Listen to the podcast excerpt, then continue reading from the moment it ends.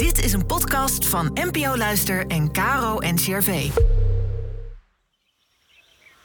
Welkom bij de Kloostercast, de podcast met antwoorden op alledaagse levensvragen vanuit de kloostertraditie.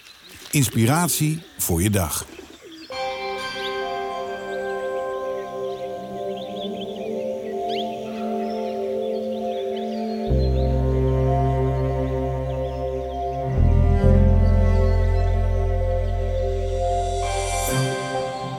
Gerard Matthijs is Benedictijner monnik en voormalig abt van de Sint-Adelbertabdij in Egmond. Hij neemt ons vandaag mee in zijn gedachten over gastvrijheid.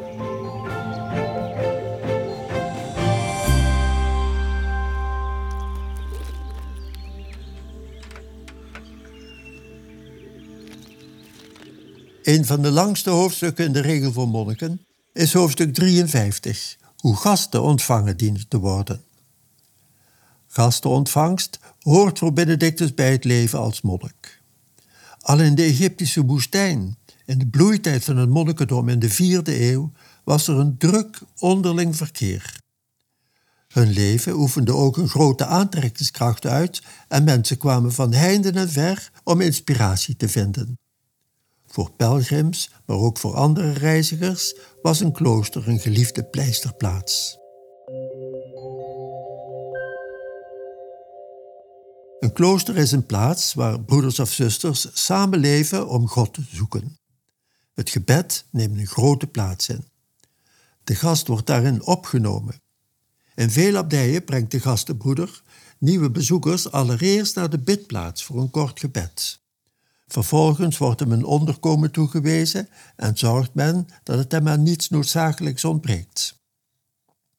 In onze abdij zijn de gasten gewoonlijk aanwezig bij de gebedsdiensten en in de refter samen met de broeders voor de warme maaltijd.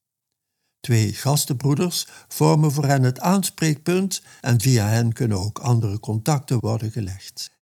In de coronatijd was ons gastenhuis gesloten en dat voelde ook voor ons broeders als een gemis.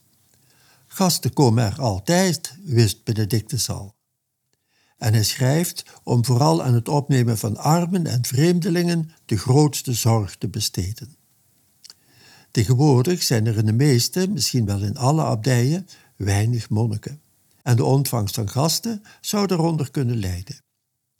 Gelukkig wordt dat gecompenseerd door een groot aantal vrijwilligers die hulp bieden bij de ontvangst, bij het onderhoud van de tuin en bij andere taken. Het zorgt voor een unieke samenwerking, een kruisbestuiving, waarbij ook deze nood tot deugd wordt. Naast de gasten die komen om de abdij te bezoeken, zijn er de persoonlijke gasten, die komen voor een individuele broeder. Buiten familie en vrienden zijn het ook mensen die in de abdij inspiratie zoeken, die om raad komen vragen voor een situatie, hulp zoeken bij de beleving van het evangelie. De tijd in de spreekkamer moet natuurlijk niet ten koste gaan van je dagelijkse plichten. Dat is in het klooster niet anders dan elders in de samenleving.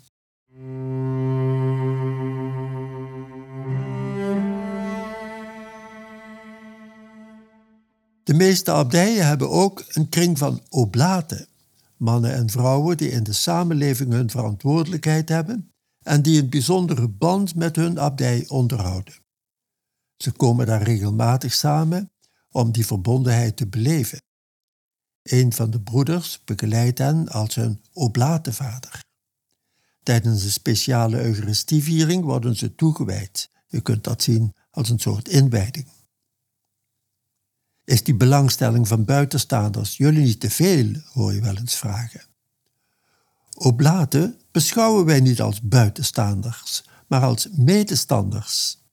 Maar uiteraard is ieder menselijk verkeer een subjectief gebeuren. Kan het tussen mensen klikken of niet?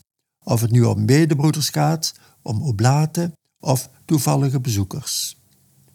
Benedictus leert ons in de ander Christus te zoeken en te dienen. Hij zegt niet dat we de aanwezigheid van de Heer ook moeten beleven. Zalig wie niet zien en toch geloven, zegt het Evangelie. Toen Benedictus nog eenzaam als kluizenaar leefde, kreeg hij bezoek van een priester die hem op paaszondag niet zonder voedsel wilden laten. Eet maar eens goed vandaag. Het is Pasen, zei de priester. Ja, antwoordde de jonge Benedictus, het is Pasen, omdat u voorbij komt. Een monnik mag iedere ontmoeting beleven als een klein Pasen, een ontmoeting met de Heer.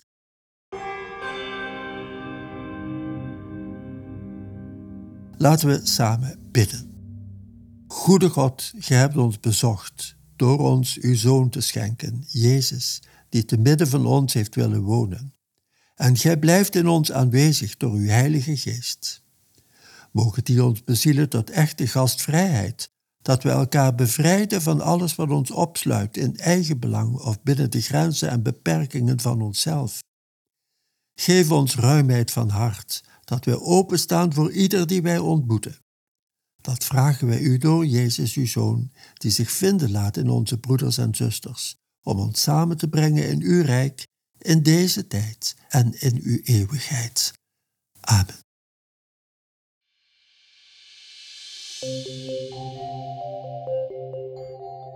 In een nieuwe aflevering horen we zuster Monica razen over de betekenis van werk.